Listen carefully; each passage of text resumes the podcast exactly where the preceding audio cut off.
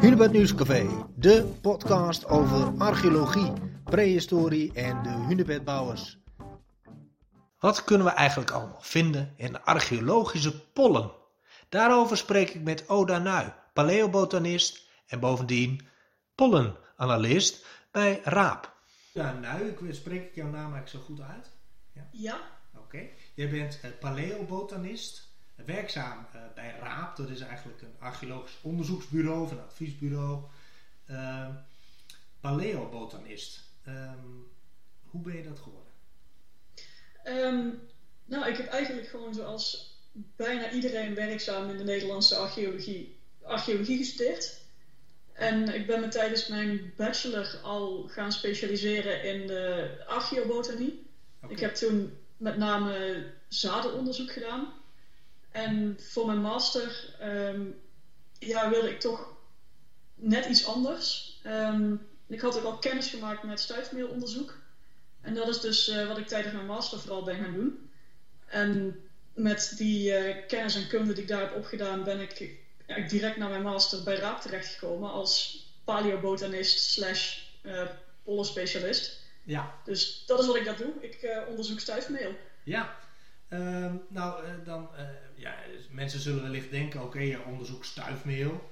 Ehm, maar ja, wat kun je daar allemaal uit aflezen? Of ja, wat krijg je dan allemaal onder je microscoop? Nou, het, voor archeologisch onderzoek is het fijne van stuifmeel dat het um, eigenlijk altijd bewaard blijft. Niet, niet in alle situaties, maar uh, stuifmeel is heel erg resistent tegen chemische en biologische afbraak. Okay. En daarnaast is het heel fijn dat uh, stuifmeelkorrels van verschillende plantensoorten allemaal net een andere vorm en structuur hebben. Dus je, ja, je kan ze eigenlijk terugbrengen naar een bepaalde plantensoort of nou niet altijd een soort, vaak eerder geslachten. Mm En daarmee kan je dus zeggen wat er in de omgeving van die site waar het monster vandaan komt, uh, in het verleden groeide. Um, daarmee ook vaak uh, welke gewassen mensen verbouwden of uh, hoe zij in hun natuurlijke omgeving ingrepen. Bomenkap bijvoorbeeld. Ja. Dat kunnen we daar allemaal in teruglezen. Dus we kunnen eigenlijk daarmee de interactie tussen mensen en hun natuurlijke omgeving in het verleden reconstrueren. Ja, uh, want ehm, vanuit de archeobotanie of paleobotanie, is, is het soms best lastig om, om uh, ja, echt dingen te vinden. Uh, in, in, veel gevallen heb je verkoolde resten nodig. Maar wat jij zegt, bij stuifmeel is dat dus eigenlijk niet nodig. Nee, want dat is ook het, het grote verschil eigenlijk tussen zaden en tussen stuifmeel. Zaden zijn, nou ja, niet groot, maar wel nog redelijk groot vergeleken met stuifmeel. Mhm. En die, um, ja, die zijn vrij kwetsbaar. Als ze natuurlijk verkoold worden of um, permanent in een natte context zitten, dan blijven ze wel goed geconserveerd. Ja. Um, stuifmeel is dus aan de ene kant zo klein, die één stuifmeelkorreltje is nou, tussen de 20 en 150 micrometer. dat klinkt heel klein. Dus ja, precies. Dat scheelt al. Dat is gewoon daardoor lastiger uh, kapot te stampen, bijvoorbeeld. Ja.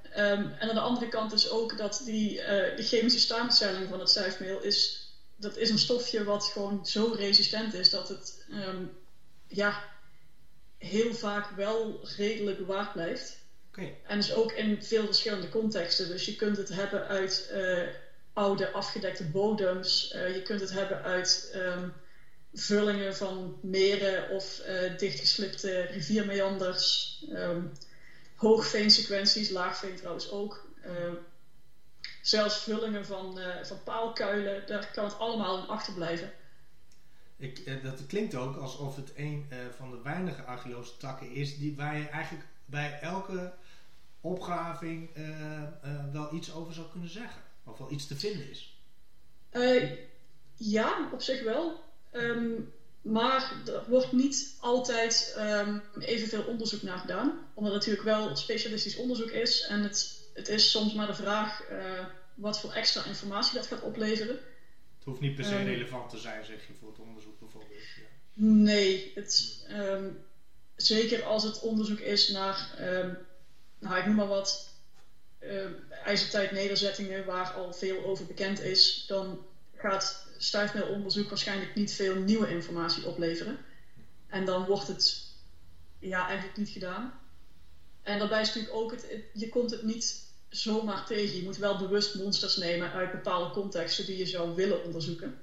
Uh, dus het is niet zo dat um, met aderwerk bijvoorbeeld, als je ergens een schep de grond zet, kom je, nou als je een beetje geluk hebt, kom je het eigenlijk altijd wel wat scherfjes tegen. Soms heel veel. Voor struismeel moet je dus wel echt bewust bemonsteren. En daarna ook nog uh, moeten die monsters chemisch worden bewerkt om er echt onderzoek naar te kunnen doen. Want anders zou je gewoon uh, wat korrel zand of klei onder je microscoop hebben liggen en dan zie je nog steeds niks. Dat snap ik, dat snap ik. Uh, nou, wellicht kunnen we straks ook nog even spreken over hoe dat proces, dat chemische proces dan in zijn werk gaat. klinkt interessant. Ehm, nou, we hadden het al even kort gezegd, paleo-botanicus. Uh, nou kan ik me voorstellen dat je niet alleen maar met dat tijdperk bezig bent. Nee, ik krijg eigenlijk binnen mijn werk monsters opgestuurd van allerlei mogelijke onderzoeken die Raad uitvoert. Mm -hmm. um, nou, dat kan dus van alles zijn. Ik heb een veenlaag uit het vroeg Holoceen onderzocht. Um, maar ik heb ook uh, middeleeuwse grachten onderzocht. Um, ja, beerputten. Dus het, het is maar net wat voor projecten er op dat moment lopen. Wat, wat voor materiaal ik uh, onder de microscoop krijg. Ja. Um, uh, nou goed, het is bijna dus... Het is met het blote oog niet te zien. Met de microscoop is het al bijna niet te zien. Hoe, gaat, hoe ga jij om met een monster? Of hoe komt een monster bij jou en, en, en hoe ga je dat dan bekijken? Um, nou, de, de veldarcheologen die nemen in het veld tijdens de opgraving monsters. Dat kunnen losse monsters zijn. Dan is het gewoon echt met een nou, troffel, lepel, plamuurmes, wat je ook hebt. Um, uit de context die je wil bemonsteren, wat van de grond in een plastic zakje stoppen. Mm -hmm. uh, het kan ook zijn dat er wordt bemonsterd met pollenbakken. Dat zijn uh, ja, metalen, hoge, smalle rechthoeken eigenlijk, die je in een verticaal profiel kan slaan. Uh, dat wordt er dan uitgehaald, dan zit het dus vol met dat profiel. En dat kan dan teruggebracht worden naar, uh, naar het kantoor of naar het lab, waar we dus um, heel precies dan de deelmonsters kunnen nemen. Ja. Um, nou ja, dat doen we dan dus. Dus uit, de, uit het bulkmonster of uit die pollenbak halen we klein beetje grond. 1 milliliter, dus 1 bij 1 bij 1 centimeter is genoeg voor uh, stuifmeelonderzoek. Dat stuur ik dan op naar het, uh, naar het chemisch lab. Want uh, ja, zoals ik al zei, gewoon een beetje grond, dat is niet te analyseren. Daar moet een hele chemische bewerking overheen. Ja. En dat doen we niet zelf, omdat daar dus uh, vrij sterke chemicaliën voor nodig zijn. En een gespecialiseerd lab en ook serieuze kennis van zaken. Mhm. Dus uh, nou, dat, dat laten we doen. En dan krijgen we microscooppreparaten terug. Ja. En die bekijk ik dan dus onder de microscoop, onder ja, meestal 400 keer vergroting. Okay. En dan, uh, ja, dan zie ik dus echt daar de, de stuifmeelkorrels en soms nog wat andere dingen. Um, uh, darmparasieten, eitjes kun je erin vinden. Uh, schimmelsporen, die, die zitten er ook in. Maar het, het is bijna alleen maar stuifmeel wat je het monster hebt. En dan is het aan de hand van ervaring die ik heb opgedaan, maar vooral ook um, ja, naslagwerken met daarin determinatiesleutels, zoals die heten. Dus uh, ziet het er zo uit, ga dan naar stap 2. Um, ehm, nou, ziet het er dan zo uit, ga naar stap 5 en uiteindelijk kom je dan dus uit op er zitten die en die en die en die en die en die en die pollentypes in. Ja. In die en die en die verhoudingen. Mm -hmm. En dat pollenspectrum, zoals dat dan heet, dat uh, interpreteer ik dan. Ja, nou dat heb je duidelijk uitgelegd. Uh, het lijkt mij wel een moeilijk klusje overigens. Uh, maar ehm, ja, oké, okay, je zei pollenspectrum. dus je hebt allerlei ja, kleine pollen geanalyseerd en gedetermineerd. Ehm, waar bestaat zo'n pollenspectrum dan uit bijvoorbeeld? Um, nou ja, dat bestaat dus uit de, die, die pollentypes die ik in dat monster heb aangetroffen. Mhm. En nou, die zijn daar gekomen als uh, stuifmeel wat geproduceerd is door planten die ehm, in de periode dat dat stuifmeel daar terecht is gekomen. Dus dat kan de middeleeuwen zijn, dat kan de bronstijd zijn, dat kan het Paleolithicum zijn. Dat maakt weinig uit. Mhm. Ehm, de planten die in de buurt van de site groeiden. Oké. En nou hangt het een beetje af eh, per plantensoort of die buurt ehm, enkele meters van de monsterplaats is, of eh, voor sommige bloemetjes bijvoorbeeld, of tientallen kilometers voor veel boomsoorten. Ja, want dat, eh, dat verstuift natuurlijk over veel grotere afstanden. Ja, Ehm, nou, je hebt voor Raap al eh, eh, aardig wat onderzoeken eh, verricht. Je sprak net al over, over, over uit de middeleeuwen en ook uit, uit, uit, uit bronstijd, meen ik. In Limburg. Ja, dat klopt. Kun je daar iets over vertellen over dat onderzoek? Nou, dat bronstijdonderzoek in Limburg, dat was mijn afstudeerscriptie. En ik heb daar twee jaar lang onderzoek voor gedaan naar een eh grafheuvelgroep in Noord-Limburg. Die dus uit de bronstijd en waarschijnlijk ook vroege midden-ijzertijd stamt. Ehm, ja, en dat was een onderzoeksproject van de faculteit de archeologie in Leiden, waarin ik ja, eigenlijk kon invoegen, omdat ze iemand wilde hebben die botanisch onderzoek kon doen. En ik had een scriptieonderwerp nodig, dus 1 en 1 is 2. Ja. En al helemaal dat ik zelf ook uit Limburg kom, dus toen was het 3 eigenlijk, alles bij elkaar.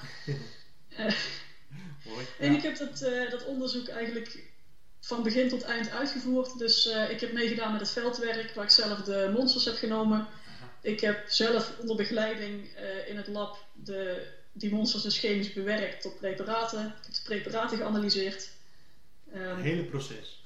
het hele proces van kop tot staart helemaal doorlopen. Mhm.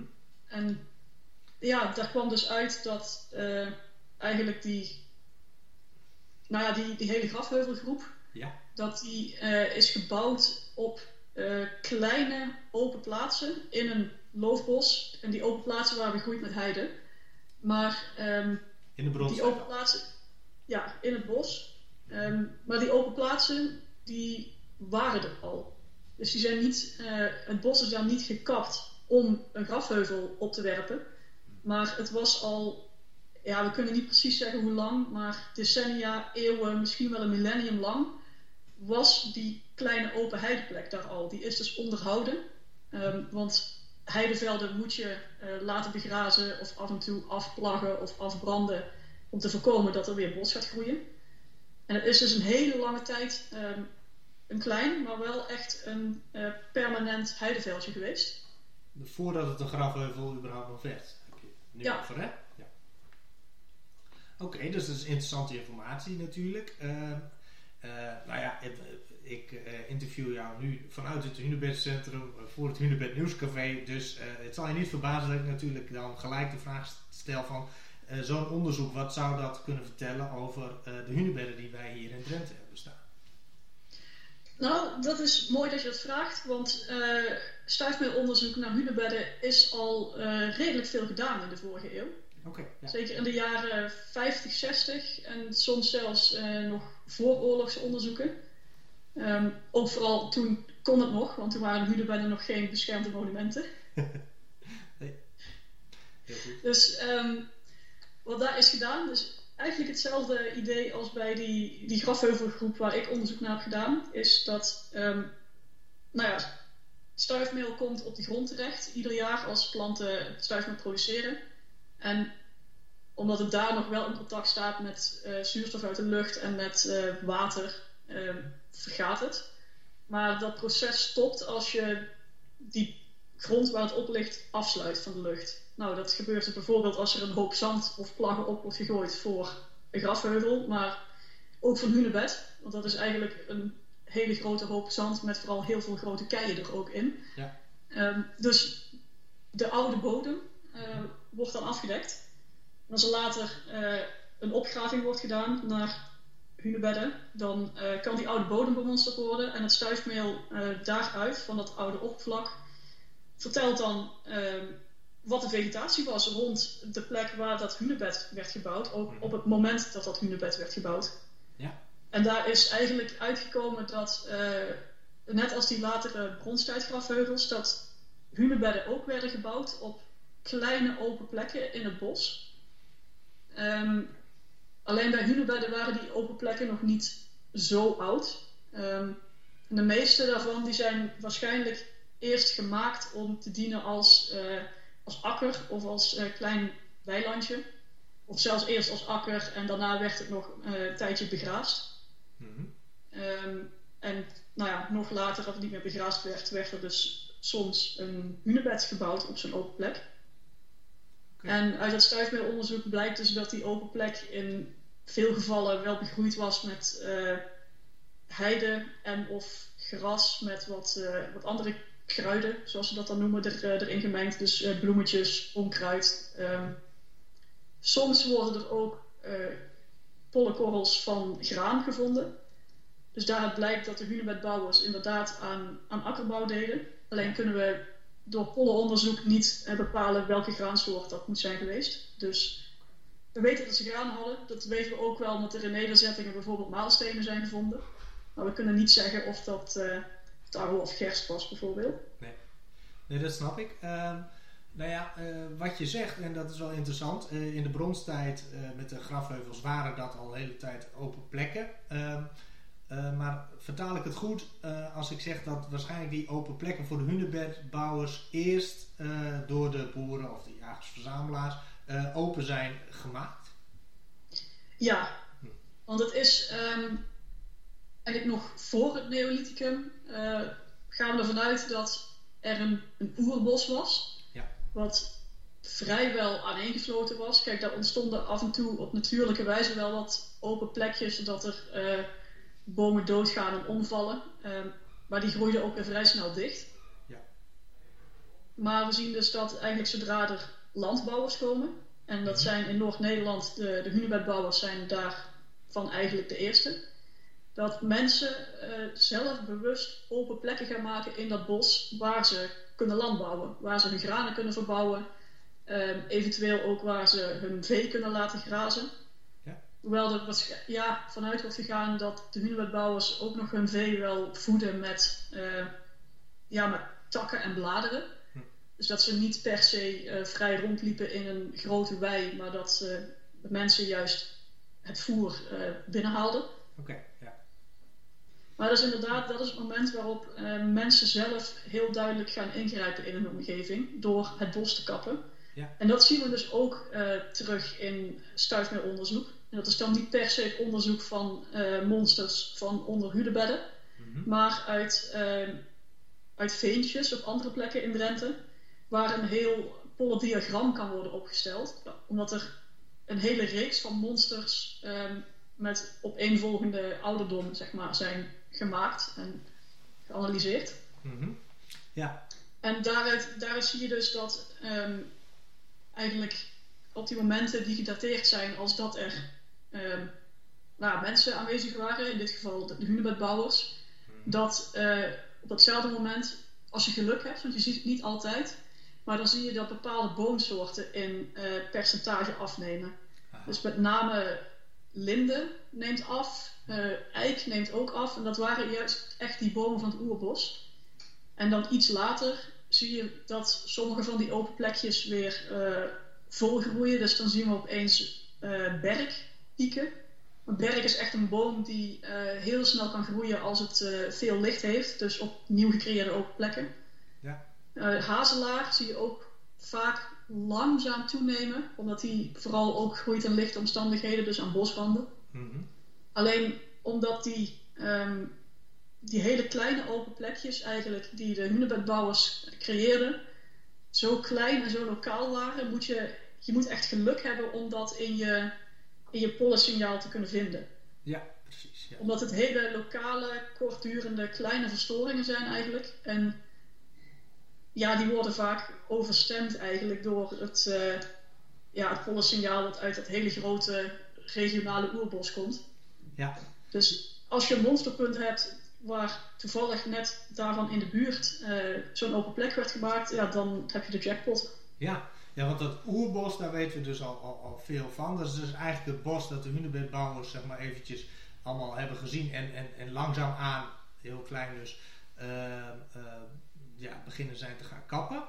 Ehm, voor, de, voor, voor de akkers. Ehm, en dat oerbos, je zei er net al iets over, waar bestond dat eigenlijk uit?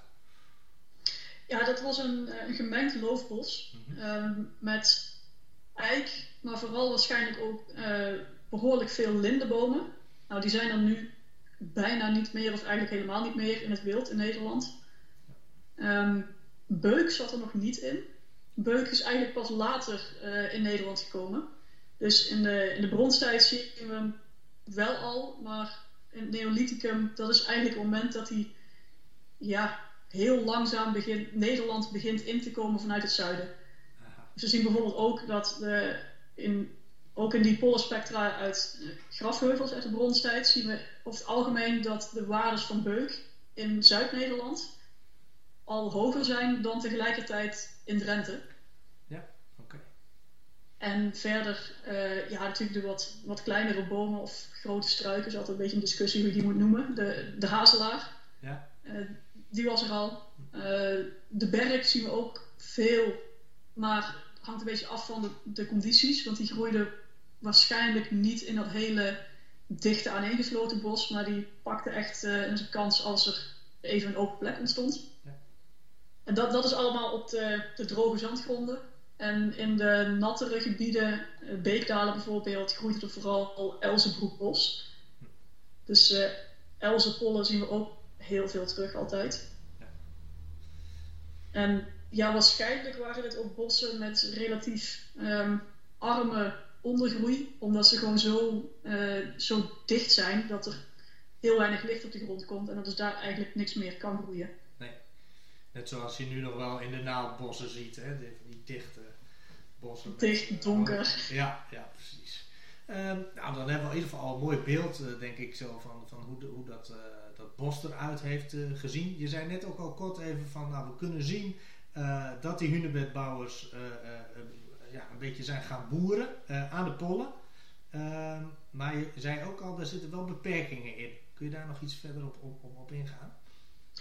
Ja, um, stuifmeelkorrels hebben wel herkenbare vormen, maar niet voor iedere plantensoort. En de, nou ja, de groep van de granen is nou juist een groep planten die eigenlijk maar één pollentype heeft. Okay. Dus ja, we kunnen zeggen dat het graan is. Mm -hmm. roggen kun je wel uh, onderscheiden, maar uh, dat was het toen nog niet. Dus voor de hunebedbouwers hebben we graan als gewas. Verder uh, geen andere, Andere plantensoorten die we zien opkomen op hetzelfde moment bijvoorbeeld zijn uh, weegbree. Dat is een plant die, ja, een tredplant noemen we dat, die dus heel goed op plaatsen groeit waar veel wordt gelopen. Die kan goed tegen betreding of trapping.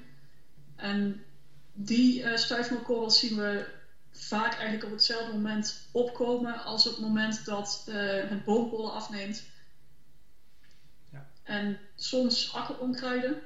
Um, maar daarvan is altijd de vraag, ja, groeide die nou echt alleen maar uh, tussen het graan en de akkers of ook op braakliggende terreinen of uh, andere plekken? Dus die, die zijn wat lastiger. Ja. zijn er nu nog plekken of uh, ja, gebieden die je graag vanuit jouw expertise zou willen onderzoeken om meer over die hunebedbouwers te kunnen vertellen? Ja, het zou natuurlijk ideaal zijn als, we, als we nu nog een keer ehm, echt gewoon pollenmonsters zouden kunnen nemen van onder de hunebedden. Mhm. Want die, uh, er is dus veel onderzoek gedaan in het uh, nou, eerste helft, midden van de vorige eeuw. Maar inmiddels kunnen we toch qua pollenonderzoek al veel meer. Ja. Dus um, ja, we zouden daarmee nog veel meer nieuwe dingen kunnen ontdekken. Um, bijvoorbeeld gewoon überhaupt de, de identificatie van verschillende pollentypes is uh, een stap verder dan aan het begin van de vorige eeuw. Dus we kunnen nu veel meer verschillende soorten onderscheiden van elkaar. Ehm, maar ook, en dat linkt hij mooi terug naar mijn uh, scriptieonderzoek. Het probleem eigenlijk altijd al met uh, pollenonderzoek is dat de percentages uh, stuifmeelkorrels per type wat je in je monster vindt, um, bijna niet te relateren is aan de echte percentages waarin planten groeiden rond die plek. Dus we kunnen wel zeggen, oké, we hebben veel eik, veel linden. Nou, dan was er een gemengd loofbos, maar we weten niet in welke verhoudingen die bomen er groeiden. Uh, maar dat begint de laatste 10, 15 jaar uh, wel steeds beter te gaan, omdat er verschillende rekenmodellen voor zijn ontwikkeld. Om echt um, de vegetatie te kwantificeren. Dus we kunnen dan niet alleen maar meer kwalitatief zeggen: er was redelijk wat van dit en een beetje van dat, en er groeiden ook nog een paar plantjes van die soort. Mm-hmm. Maar dan kunnen we echt um, percentages bodembedekking gaan bepalen. Dus binnen een straal van uh, drie kilometer rondom deze monsterplaats groeiden er zoveel procent eikenbomen en zoveel procent lindenbomen en was er zoveel procent open land. Ja. En daar ben ik wel heel benieuwd naar wat dat uh, voor een huurdebedden zou opleveren. Mm-hmm. En zeker als we dat dan ook nog uh, zouden gaan vergelijken met andere periodes. Bijvoorbeeld de, de bronstijdgrasheuvels. En of we daar dan ook echt verschil zien in, uh, ja, in hoe mensen omgingen met dat, uh, met dat bos of met die open plekken. Ja, dan zou je misschien ook meer kunnen vertellen uh, uiteindelijk over hoe snel dat proces van ontbossing zeg maar, is gegaan. Hè? Ja, zeker. Ja, heel interessant. Ehm, nou, hartstikke bedankt, Oda. Je hebt mij in elk geval veel wijzer gemaakt weer. En uh, uh, vast ook iedereen die dit gaat beluisteren. Dus uh, dankjewel. Graag gedaan. Ik vond het leuk om mee te werken. Dit was alweer een podcast van het Hunebed Nieuwscafé. Meer weten? Kijk dan op hunebednieuwscafé.nl voor meer podcast en meer achtergrondartikelen. Heb je een vraag? Mail dan naar gklompmaker.hunebedcentrum.nl Blijf op de hoogte en luister mee in het Hunebed Nieuwscafé.